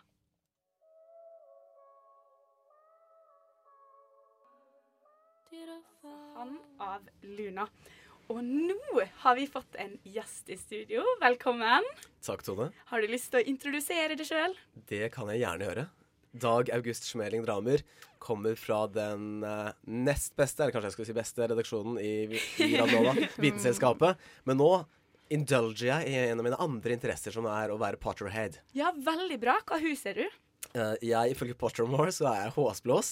Ja, men så Og hyggelig. det er hyggelig, da. Da får vi litt mer sånn Da mangler vi bare en Gryffindor Ja. her i studio, Ja. så er vi eh, komplett. JK Rowling sier jo at det er det beste huset. Så Jeg vet. Men det er egentlig sånn leftover-hus. Det er åpenbart at Rowling bare lagde ja, mot uh, de, de onde eller slus hus. Og, og de smartes hus. også. Hva, hva er det som er igjen? Jeg, jeg har stor respekt for Smøgard. Horatian Snillhorn. He's my man. Ja. Um, men ja, håsblås. Jeg liker håsblås, jeg også. Ja, veldig bra. Nei, for vi skal jo eh, Vi har jo på en måte snakka om mange ting som vi ikke likte, og som vi likte godt med filmene, men vi har styrt unna en utrolig viktig scene. Ja, Jeg blir så sint! her. Han Hanne, ja. Døden til Voldemort. Ja. Hva Ja, faen det var det i filmene? Den katastrofale, meningsløse, fullstendig Nå oppløses jeg til papirbiter-døden. Som jo er akkurat det som skjer. Hvis man har et litt kritisk blikk på det som skjer med Voldemort, så er det sånn Og så bare løses den opp i små biter, og så skal det være episk. Ja. Fordi man, en trollmann kan jo ikke dø på bare falle om. Men- Men hele poenget er Ja, hele poenget i boken er jo at han dør som menneske. mm, alt Voldemort har gjort, alle ting som bygger opp mot den personen han blir, er at han er redd for døden. Han er livredd for å dø som et vanlig menneske, og han gjør alt i sin makt for å kunne stoppe det. Han blir jo helt fucking psycho bare for å ikke dø. Og så, når han faktisk gjør det i boka, og det er ganske perfect sånn som det er, så skal de bare hvordan skal vi gjøre det her litt mer spennende på film? Mm.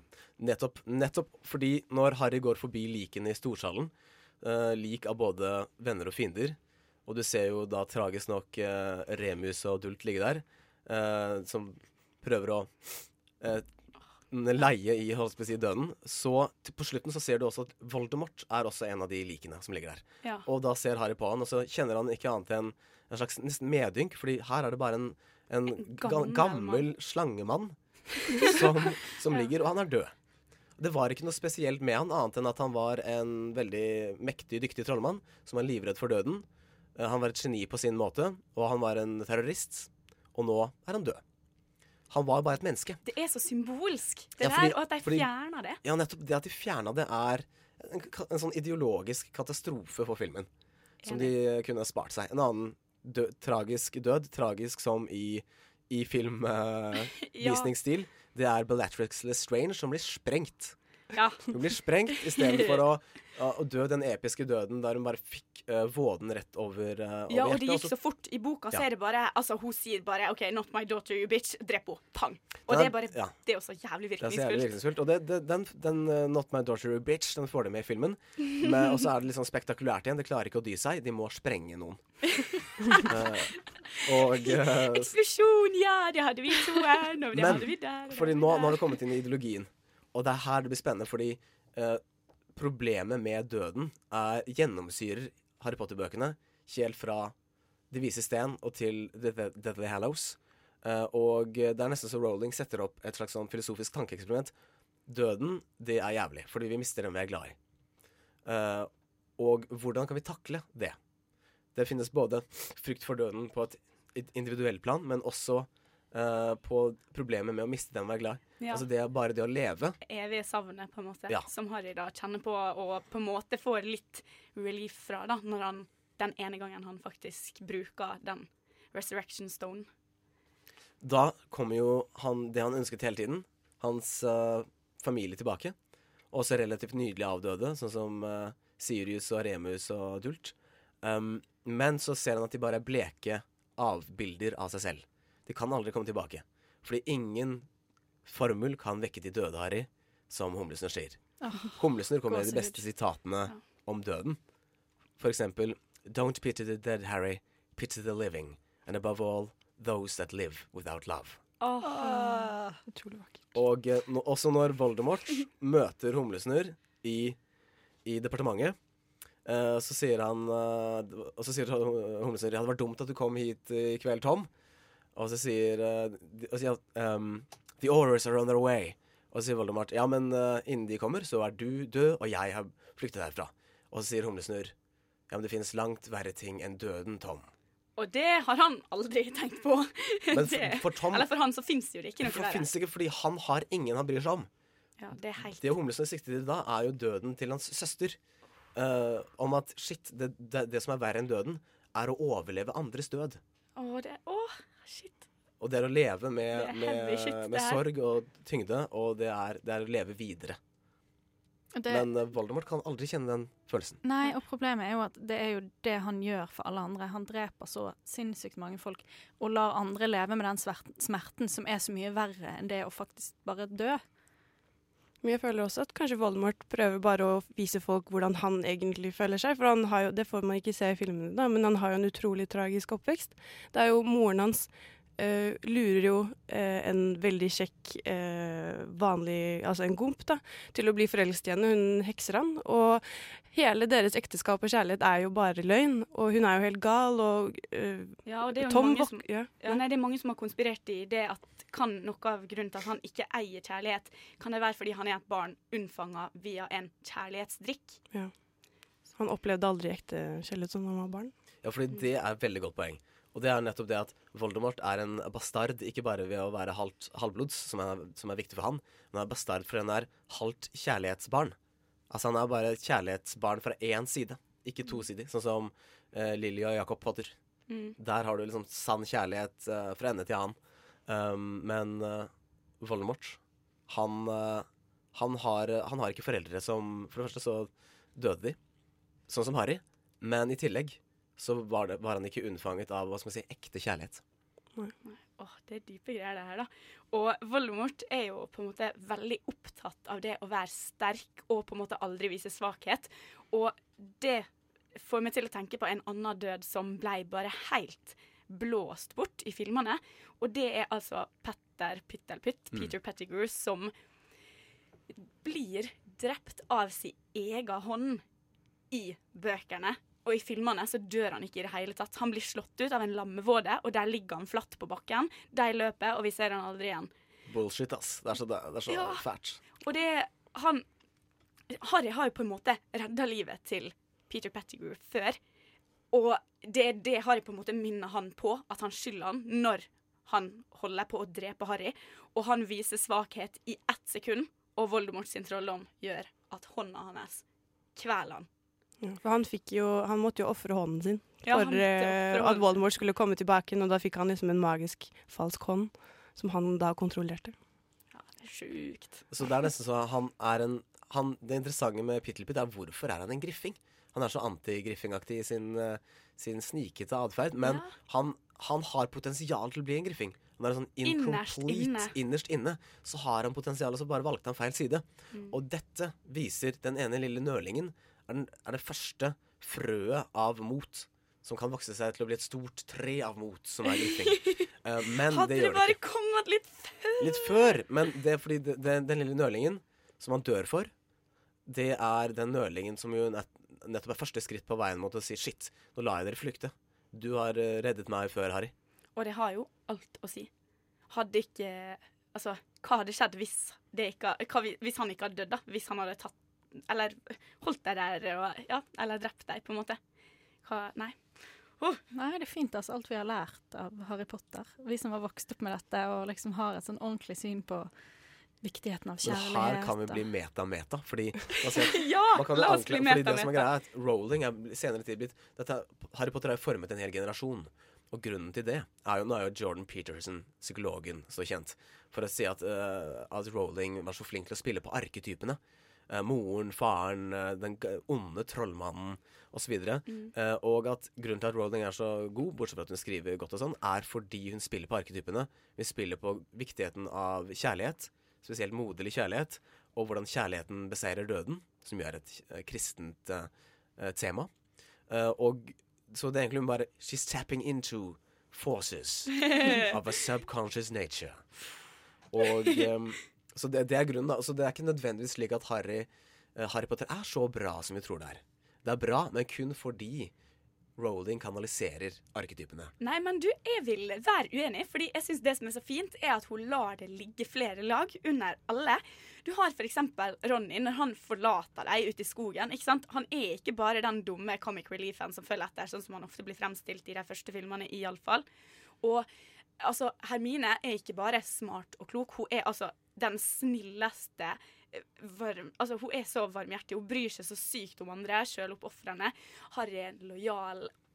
Han er så utrolig lojal, da. men han er kanskje det, det sterkeste karaktertrekket. Men Ja, fordi Noen ganger så er jo Harry ganske dum. Han er ikke, han er ikke Nei, men han er så lojal. da, For alt han gjør, gjør han på en måte for, ut av lojalitet. Så han er kanskje faktisk, oh, Jeg innser det nå, kanskje Harry ikke er faktisk den dypeste karakteren, men jeg syns at de andre karakterene har mange lag, da. Men det du sa med Peter Pettigrew, at han er jo uh, egentlig gruffing. Men det tror jeg er et sånt uh, JK sin måte å si at du kan være Ha potensialet til Altså, du, man er så kompleks, da. Bare fordi du hører til Eller tilsynelatende har anlegget for å bli en god person, så betyr ikke det at alle i Gruffing er kjempemodige og kjempekule, og alle i Smygar er kjempeonde. Det handler liksom om at du kan ha så mange lag, da, og det tror jeg det er helt uenig i at uh, det handler om så enkle ting, på en måte. Da sier jeg ikke at uh, det koker ned til bare det, fordi karakterbeskrivelsen er jo noe av det som også opprettholder selve universet. Og der er jeg helt enig i deres kritikk av uh, den enkle fremstillingen av Ronny som comic relief, Hermine som smart og Harry bare som protagonisten. Mm. Om at i bøkene så får vi alle disse små interaksjonene som er sykt morsomme, spesielt når de, de vokser til å bli eldre og møter sine utfordringer. Om hvor mye, som, hvor mye det er der, da. Mm. Uh, av forskjellige sånn uh, utfordringer. Ja, og til og med Malfang er jo Han blir jo på en måte fremstilt bedre mot, siste, altså mot slutten, fordi han faktisk han, han, man skjønner at han er bare en redd, redd liten bortskjemt gutt som har endt opp Han har gått skeivt ut som faen, og alt har egentlig gått til helvete av faren hans. Og ja, selvfølgelig er han en liten drittunge i starten, men det er liksom det at det ligger mer under der òg. Man skal få sympati ja. for Draco Malfang. Og det gjør man fordi han Og det, det kjærlighetsmotivet bankes inn av Rowling nok en gang. Eh, ved at eh, Lucifer og Narcissa Malfang velger å bare ditche hele dødsetter Gra. Og De- de at er- hun lar Harry gå. Hun sier at han ikke har puls, eller at han puster ikke. Når hun vet at han lever, for hun bare spør lever sønnen min. Hun driter i kampen, hun driter i Voldemort, hun driter i alt. Lever sønnen min? Og han sier ja, og da lar hun Det er det viktigste. ass. Oh my god. Og måten Roland beskriver det på, er sånn det var noen, det var noen overraskende myke hender og hår som Mm. falt ned. Sånn, den moderlige kjærligheten. Mm. Som er sånn speiler oh. Lillys kjærlighet. da Jeg driter i alt dette her, bare så Ja. lenge min sønn overlever. Og nå kommer jeg til å la deg gå, Potter. Fordi jeg og min mann, vi, eh, det, vi, vi syns fuck this shit. Dette er bare ondskap. Nå, det eneste nå er å overleve med vår lille familie. Åh, det er så utrolig mye vi kunne sagt om det her, men vi må dessverre ta en liten pause. Men vi kommer straks tilbake etter It's Not Just Me av Let's Eat Grandma. It's Not Just Me av Let's Eat Grandma. Vi i Nova Noir er fortsatt her og har Harry Potter-sending, og vi har med oss Dag i studio. Og vi skal fortsette å snakke litt om symbolikken i Harry Potter. Is it when something happens, it is? Believe me, Professor, I've been asking myself the same question for six years. Ja, er det noen som har lyst til å starte? Du, Hanne, ser ut som du hopper litt på stolen her. Ja, fordi jeg kom på at jeg glemte å nevne tidligere hvor bra akkurat den sekvensen med dette eventyret om dødstalismanene er med. Når Hermine leser eventyret, og det er disse fine med liksom usynlighetskappen og den her eh, stein, Resurrection Stone og The Elder Wand og alt dette. Fordi at det er jo så vanvittig symboltungt. Og det er, det, det er så mye som bygger på det i de siste to filmene. Ja, og det er bare Her, Dette er et eksempel på hvordan Rowling blir sånn eksplisitt symbol, symbolsk. Uh, der hun snakker om de tre brødrene og den som kan Apropos døden, et av hovedtemaene. Døden og kjærligheten. Det er lett uh, Harry Potter, bare Mm. med andre ord. Uh, om hvor, den, hvordan den yngste broren velger døden med Han velger døden av egen fri vilje. Ja. Og går inn i Han er ikke redd for døden. Han flykter ikke fra døden. Welcomes death like an old friend. Nettopp. I in old age. Mm. And passes on the cloak of in, in, in, invisibility. Oh. Det er sant. Den, ja, den det som kan leve viser på en måte Det er jo det helt det er motsetninga til Voldemort sin frykt for døden. Rett og Ja, slett. ja. Og at Voldemort hadde selvfølgelig Kunne han valgt en av disse tinga, så hadde jo han valgt uh, tryllestaven. Altså Det er på en måte ganske åpenbart, fordi han vil bare være mektig, og han vil ha en uovervinnelig tryllestav. Men for Vold, ja, Voldemort blir så satt i kontrast til den tredje broren, fordi han kunne aldri, aldri ha valgt å bare gå litt sånn Være litt humble og gå litt i skjul, da, og for å heller Jeg vet ikke. Ja, Greet Nei. death like an old friend. Nei, det er jo akkurat det han ikke vil, og gjør alt for å unngå. Ja, fordi Voldemort er jo selve symbolet på døden, samtidig som han er den som er mest redd for døden. Og Voldemort betyr jo dødsflyvning, eller dødsflykt. Mm. Uh, og det kan tolkes på to måter. Én, at Voldemort flyr mot deg og dreper deg. Han er den som bringer døden. Uh, men det kan også bety at han flykter fra døden hele tiden. Og det speiles i dødseterne, hans følgere. De spiser og sluker døden. Og de selv er ikke De dør ikke. Det er derfor de er masker. Fordi de, eh, de er så redde for døden at de prøver å skremme døden med symboler på døden. Mm. Ja, det er jo litt spesielt, det her. Ja, det er litt sånn skal man si? Litt teit. Altså, det er bare Nei. teit? Jeg vet ikke hva jeg skulle skal fram jeg til. huske å si til Voldemort neste gang jeg treffer han. uh, Hanne syns du er litt, litt teit. You're lame, Voldy. You're lame. Du Raina, hva tanker har du om eh, Nei, jeg har på en måte ikke Jeg tror aldri jeg har sett så inn i sånn å finne minimalisere det til liksom to store Selv om det er også eh, viktig å liksom kunne se symbolismen og sånn. Jeg har alltid bare tenkt at det handlet om diskriminering, men det handler jo egentlig også om kjærlighet igjen. Da. Fordi det handler liksom hele tiden om hvordan du blir presset ned. eh, det med halvblods, uh, futt, eh, de jeg nevnte tidligere, da. At, og eh, nissene og altså sånn At hvordan det, hierarkiet da, i magiverdenen er ganske brutalt. Uh, og det er alltid det jeg har tenkt på da, som uh, en av de viktigste temaene. Men det bunner jo også på en måte ned kjærlighet og likeverd, egentlig, da. Ja, fordi kjærlighetens rolle her er jo å transcendere disse skillene. Altså gå over dem. Mm. Slik at uh, man ser ikke en futt eller en gomp eller en uh, smygarding. Man ser en potensiell venn. En man kan bry seg om. Ja. Og slik at kjærligheten er liksom den, den som, Og døden, da, den kan også bringes inn her. For liksom en dag så ligger vi alle i jorda. Og det er der liket av Voldemort er så viktig. Enten man er en sykt mektig trollmann, eller en gomp, eller en futt, eller en husnisse, eller en kentaur, så ligger man der og råtner som kropp. eh, Til syvende og sist. Ja. Og det Så vi er alle like, da. Ja. jeg kom på nå når vi snakka om eh, død i grava. Det er en ting vi glemte å si, Stav, som vi faktisk må nevne. Når Harry får da, eller finner ut at ja, ja, det er som er herren til oldstaven. Og tryllestaven til Harry er jo knekt. Og det er jo den tryllestaven som betyr så utrolig mye. Den har jo vært symbolet på hele kampen mellom Harry og Voldemort, på en måte med ja, Hekses historikus og alt det der.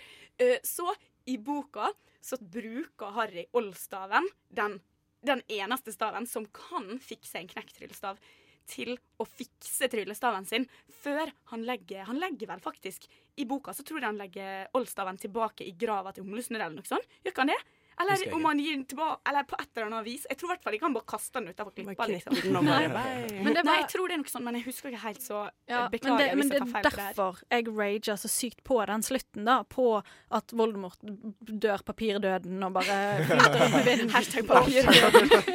og, og at Harry bare liksom Nå, nå skal jeg bare knekke denne staven og kaste den ut for dette Ja, stupet. åh, Mm. det er så sykt underwhelming. Ja, men det er altså, sånn Kan ikke bare knekke en tryllestav? What, the fuck? Nei, det er bare sånn det, det, det, hva har Altså, et- er det, er det Jeg tror det er David Yates som regisserte de, to, de fire siste Harry Potter-filmene. Han har jo bare gått glipp av hele poenget! Med å bare la Voldemort dø teit, og la Harry bare knekke den staven og bare lololol, nå skal vi gå videre i livet, liksom.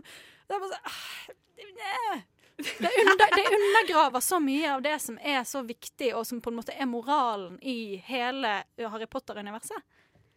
Men det som er så utrolig vakkert da, med at vi har vokst opp med disse bøkene, og vi har, uten at vi vet det, har blitt lært alle disse viktige temaene, som døden og kjærlighet og at venner over altså sånn, Jeg er sånne- overbevist om at folk som har lest Harry Potter, er best mennesker. Ja, altså det er jo spennende å se hvordan denne generasjonen kommer til å bli, og kanskje ikke så mye fred Nei, men er ikke så mye fred, mener jeg. Kanskje ikke så mye krig, mener jeg. Og kanskje ikke mer Trump eller sånn teite mennesker. Hadde vært koselig. Trump har ikke Harry Potter Harry Potter. Er det noe som skal over det når Trump sier Harry Potter, liksom? Men min teori da, Ina, for å bli sånn metakritisk igjen, er at jeg, jeg tror også at på en måte så er eh, folk som har lest Harry Potter, bedre mennesker enn folk som ikke har lest det. Eh, men det er ikke nødvendigvis fordi Harry Potter førte til at de ble bedre, men at de allerede uh, tunet seg inn til det Ja. som var bra i Harry Potter. Ja. Fordi de har lært det av bakgrunns... Uh, Ja, habitus og sånn. Um, Eh, ja, sosiologi. sånn, ja. ikke sant? Så det, det er noe der, da. Men det betyr ikke at Harry Potter ikke er god til å nettopp artikulere de tingene som er bra. Ja. Med, med, hva skal man si, å ikke diskriminere kjærlighet across borders, Ja. ned med nazisme, ja. slangemenn. Vi skal jo snakke litt mer om det der med aktualiteten i Harry Potter i dag straks. Og før det så skal vi høre Haunt the Dead av, el, jo, av Dark Times. Passende nå. Det var vel 'Haunt the Dead' av Dark Times. Og vi skal snakke litt om eh, syns vi Harry Potter fortsatt eh, holder i dag. Hva Altså, holder bøkene, holder filmene, tematikken? Hva syns du, Ina? Det faktum at vi har denne sendingen i dag, sier jo kanskje om hvor aktuelt det fortsatt er. At folk synes, fortsatt syns dette er kjempespennende og viktig og nostalgisk. Og det er jo de nye filmene som har kommet nå, 'Fantastic Beast' og den nye som The Crimes of Grindelwald. Ja, ja, OK. Jeg trodde du skulle nevne det skuespillet Nei, must nei, det not be ikke. Nei. fordi fy faen, så Nei, jævlig. vi, okay, vi dropper det. Det fins ja, ikke. Vi. Det jeg ville si, var at jeg har jo eh, en lillesøster som er elleve år yngre enn meg. Eh, og som derfor ikke var like heldig som oss og liksom fikk vokse opp mens Harry Potter-filmene og bøkene fortsatt kom ut. Ja, for det er fantastisk. For Ja. du har jo på en måte tvunget henne inn i den Ja, situasjonen. fordi Nei, men det er litt sånn Jeg Jo syns, da, det jeg syns det var viktig at hun, fikk, at hun får lest alle bøkene, og at hun på en måte får vokse opp litt med det sammen. Så både meg og min mor har liksom bestemt at hun skal få lese én bok, se, neste, se den første filmen. Lese bok nummer to ca. et år seinere, neste film. Og fortsette sånn, sånn at hun også på en måte får den gleden av å gå og glede seg til neste bok, til neste film, og at de siste bøkene og filmene er jo for skummel for hvis hun skulle fått sett og lest alt når hun var liksom åtte-ni, da, og når vi begynte å lese de, da hadde jo De er jo for skumle. Og, men, så det er på en måte, men hun også er så sinnssykt engasjert, og vi bare bonder masse over Harry Potter, og det tror jeg er beviset på at det holder. Jeg bare synes det er så Altså, jeg bare tenker Tone på sju år hadde klikka. Fordi altså, jeg satt jo som sagt oppe og leste hele nettene, og det var liksom bare det jeg hadde lyst til å gjøre på. da. Og heil, jeg vet, mellom, Fra jeg var sju til ti år, de tre åra, så tror jeg jeg leste Harry Potter konstant. Sånn ordentlig. For jeg husker så godt jeg var ti år, og venninna til søstera mi kom på besøk og bare 'Å, leser du Harry Potter, Tone?' Jeg bare 'Ja, men dine her har jo jeg lest sju ganger før'. Og hun bare så på meg som om jeg var helt crazy, liksom. Og da var det jo det Det var jo bare ei av de bøkene, på en måte. Så eh, Men altså, søstera di kan jo få den litt seinere, da. Ja. At hun kan lese alt på uh, Ja, og det kommer jo sikkert til å nå et punkt hvor hun ikke gidder å vente mer. Men Ja. enn, så lenge, enn så lenge hun lytter og tar ordre, så går det bra. Wow. Hva med du, Dag? Ja, Hvis min teori om arketypene holder, da, så vil det jo være slik at enhver ny generasjon, samme hvor uh, far away in time eh, de kommer til Harry Potter, så vil de, reson så vil de resonnere. Det vil være noe der å hente, da. Selv om liksom, kanskje visse deler av humoren vil være anakronistisk eller uh, ute av det, så vil det være noen ting som alltid gjelder. Og det er de temaene vi har snakket om, da, sånn som kjærlighet, døden Vennskap. Altså, slangemannen Voldemort, han er jo en Han er jo en sånn arketyp. Han er jo en, en skummel slangemann som kommer til å drepe deg. Uh, han er jo en mann i uh, fotsid, kutte og hette, når vi først eh, blir introdusert for han. Som kommer på natten for å drepe Lilly og Jacob Potter. Det er jo nok til å få ethvert barn til å Ja, det er akkurat det. bli litt Det er en grunnleggende greie. Ja, ja, men så har vi også på en måte en skurkekarakter, eh, Dolores Umbridge Uffert, som for mange er enda verre, fordi at hun er en karakter alle kan kjenne igjen fra sitt eget liv. Den grusomme læreren som eh, bare ikke forstår noe som helst og bare Jeg liker hvordan du sier det, hvordan, som alle kan kjenne igjen fra Nei, sitt eget eget liv. altså- Jeg håper veldig at ingen har en sånn lærer. Jeg mente ikke så ille, men alle kan på en måte kjenne igjen dette med en maktperson Ja. som på en måte kan bestemme over deg. Og som bare, ja, misbruker makten. Og det òg er noe som på en måte uansett hvor langt fram i tid vi går, så vil det finnes sånne personer, dessverre. Mm, ja, fordi det er nettopp eh, ikke bare arketyper som er et veldig sånn tungt og komplekst begrep, men stereotyper. Og faktiske typer.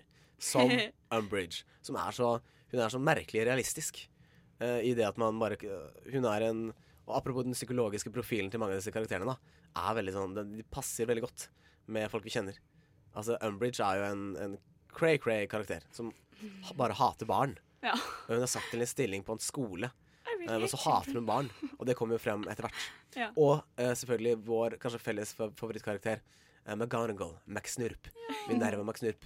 Som også er en Hun er den andre siden av Umbridge, da. For hun er den strenge, men i bunn og grunn veldig rettferdige og snille Mm. læreren. Ja. Og, men Ina, jeg, jeg føler at vi må ta en diskusjon her som vi begynte litt på i stad, Altså vi bestemte oss for å spare litt. For vi snakka om altså eh, Fantastic Beasts, hvordan det skal nå bli med den neste filmen. Fordi jeg likte veldig godt den første filmen, men hva hva var det du sa om Jo, den andre filmen? Fordi jeg likte også den forrige kjempegodt. Jeg synes den var, den var ikke Harry Potter, og det var det folk må, jeg tror folk må tenke på det at det skal ikke være Harry Potter, det skal bare være i det magiske universet. Men det har vært litt sånn, sånn som jeg nevnte i stad, så har det jo vært en stor greie med at um, Humlesnurr og Grindwall har jo en veldig lang bakhistorie, og det har vært veldig mye kritikk mot den i akkurat nå, fordi uh, han regissøren har sagt, fordi folk har spurt, kommer man til å få tydelige tegn på at de har vært i et forhold, at de har vært liksom elskere, da. Og han sa ja, eller uh, det, skal, de skal ikke være explicitly gay. Og det skal ikke sånn, være hva sånn betyr det, ja, liksom? Hva er det som er explicitly gøy? Fordi, unnskyld meg, hvis det er en, noen type actionfilm hvor det er sånn en skurk og en snilling, og de har ligget sammen, og det er kjempemye tension, og det skal bare peises på med dumme, dumme uh, sånne uh, Sexual tension Ja! og bare Å, men det skal vi ikke ha med fordi de er homofile. Ja, ikke sant? Og det er sånn, det spørsmålet som eh, på en måte alle har, og alle har jo på en måte en teori. Ikke sant? Hvordan kunne Humlesnurr slå Grindevall når Grindevall er herre av Oldstaven? Og de elsker ikke gå- hverandre! Ja, det er bare én forklaring. Det må være Ja, at ja. ikke klarer å ta Humlesnurr fordi han elsker han. Det er den eneste forklaringa du kan. jeg ikke tenkt på. Det er genialt. Kjærligheten seirer igjen. Ja, selvfølgelig! Det må jo være det! Men også hvis de skal bare være sånn Nei, vi er bare kompiser som kjente hverandre i våre ungdomsdager. Det er ikke nok, det er ikke sterk nok. Den kjærligheten skal være real. Det er derfor Humlesnurr er fortsatt ensom når han er gammel og Vi trenger at det, at det er explicitly Vi gay. trenger at det Ja, er vi vil ha explicitly gay. Her har vi glimrende anledning til å ha explicitly gay jokes. eh, Som man har i Kjetil og liksom sånn eh, som, som du sier, Ina. Uh, dette med at uh, når det er en, uh, to skurker som slåss, eller en snill og en skurk, så har man, kan man, og, og hvis de har ligget sammen, eller hvis de har vært romanske, så kan man ha masse spøker og Ja, ja, det skal fram. Ja! Det skal fram, og det er så, åp og det er så eksplisitt, og, og, og sånn at alle kan humre. Eh, For da er det greit. og, og nå, må, nå har de en glimrende anledning til å ha uh, gay sex jokes med humlesnurr og Grønland, Det blir så gøy. Ja, og nettopp det med å være i tiden, kan de ikke liksom bare bevege seg med på en måte At det er lov å være homofil i det Ja. året 2018? Det er Altså- kjempeviktig med representasjon. og Jeg blir helt sånn Åh, og det er egentlig litt sånn sur på Dick Rowling, fordi hun var sånn Etter at hun hadde skrevet bøkene, så var hun sånn Ja, bare så du vet det, så var humlesnurr homofil hele tiden, haha. Men hun nevner det sånn aldri. Hun bare kinter til det. Ja. Ja, Weak. det, det er kanskje der Harry Potter ikke er, er i tiden, da. Og på en måte kommer til å få kritikk hvis folk, fort, folk kommer til å fortsette å lese Ja, det. senere. Men kritikken kommer til å være der for at det er ikke homofile karakterer med, det er litt for dårlig representasjon. Det er litt sånn 'Å, kanskje Hermine egentlig ikke var bare en hvit eh, eh, vanlig britisk jente, men at hun hadde foreldre som kom fra andre land, eller hva enn. Er ikke det litt sånn litt hint at håret hennes er så stritt at hun kanskje har hun egentlig afro? Mm. Og at Men- hun er veldig opptatt av slaveri, og er veldig sånn opptatt av sånne viktige ting. Ja, og det er liksom det, det er noen sånne ting som kunne vært bedre og viktigere, som kunne gjort at Harry Potter holdt seg enda mer i tiden, da. Ja, det er helt sant. Ja, fordi det Trollmanns er en glimrende måte å, å nettopp undersøke diskriminering. Fordi du har et helt annet univers. Mm. Så det de diskriminerer mot, det er ikke det vi diskriminerer mot. Men det er likevel overlapp, da. Så vi kan se et speilbilde på vår egen Ja. diskriminering. I at de futtene, for eksempel. Ja. ja, for i Harry Potter så går det jo mer på eh, magiske krefter og art i stedet for hudfarge. Og det er jo, det er jo en fin ting, da, på en måte. Det er også en annen kritikkverdig ting uh, av den neste filmen, er jo at Johnny Depp spiller Grindelwald. Ja. Og jeg vil bare si at, at Johnny Depp er en pikk, og vi har ikke lyst til at han skal være med. Fordi han Altså, hvorfor? For det første så ser Grindelwald helt tullete ut. Eh, Bare Han ser retarded ut. Ja, Og hvis, barten. og hvis folk lurer på Ina sitt sterke hat her, da, og, eller generelt verdens sitt sterke hat, så har jo han banka kona si. Ja. Uh, så det har jeg faktisk Jeg har bodd under en stein og ikke fått med meg det. Nei, så, det men, og jeg har lyst til å snakke om det her i hele dag. Vi løper snart ut for tid. Hva har vært gøyest å snakke om i dag, Hanne? Eh, tre, Døden og livet! Voldemort! Ah! eh, at jeg fikk lov til å uh, express my anger mot tommelsnurr. Ja, det er garantert papirdøden. Hashtag. Ja, Never forget. Og jeg syns det har vært så gøy å bruke to timer på å liksom bare få tømt ut alt det jeg har elska i hele min barndom. Og jeg skulle så ønske at vi kunne sitte her i hele dag og bare fortsette og fortsette. og fortsette. Men jeg vil si tusen, tusen, tusen takk for at dere ville komme, og takk til dere, Dag, som ville komme på besøk. Selv takk, Tone. De andre jeg har hatt med meg i studio i dag, er Ina Sletten og Hanne Marie Nord fra Nova Noir. Jeg heter Tone Hafsås, og på teknikk har vi hatt både Tage Rivas Tollefsen og Julie Oskar Andersen. Å, jeg skulle Ja, dessverre er det ferdig, men tusen takk for at dere hørte på. Og snakk til oss. Fortell oss hva du syns om eh, disse temaene. Ta kontakt med oss på alle mulige på sosiale Facebook, medier. Insta, overalt. Ja, gjør det. Vi vil snakke mer om dette. Krangel med oss. Ha det bra. Ha det. Ha det. Farvel.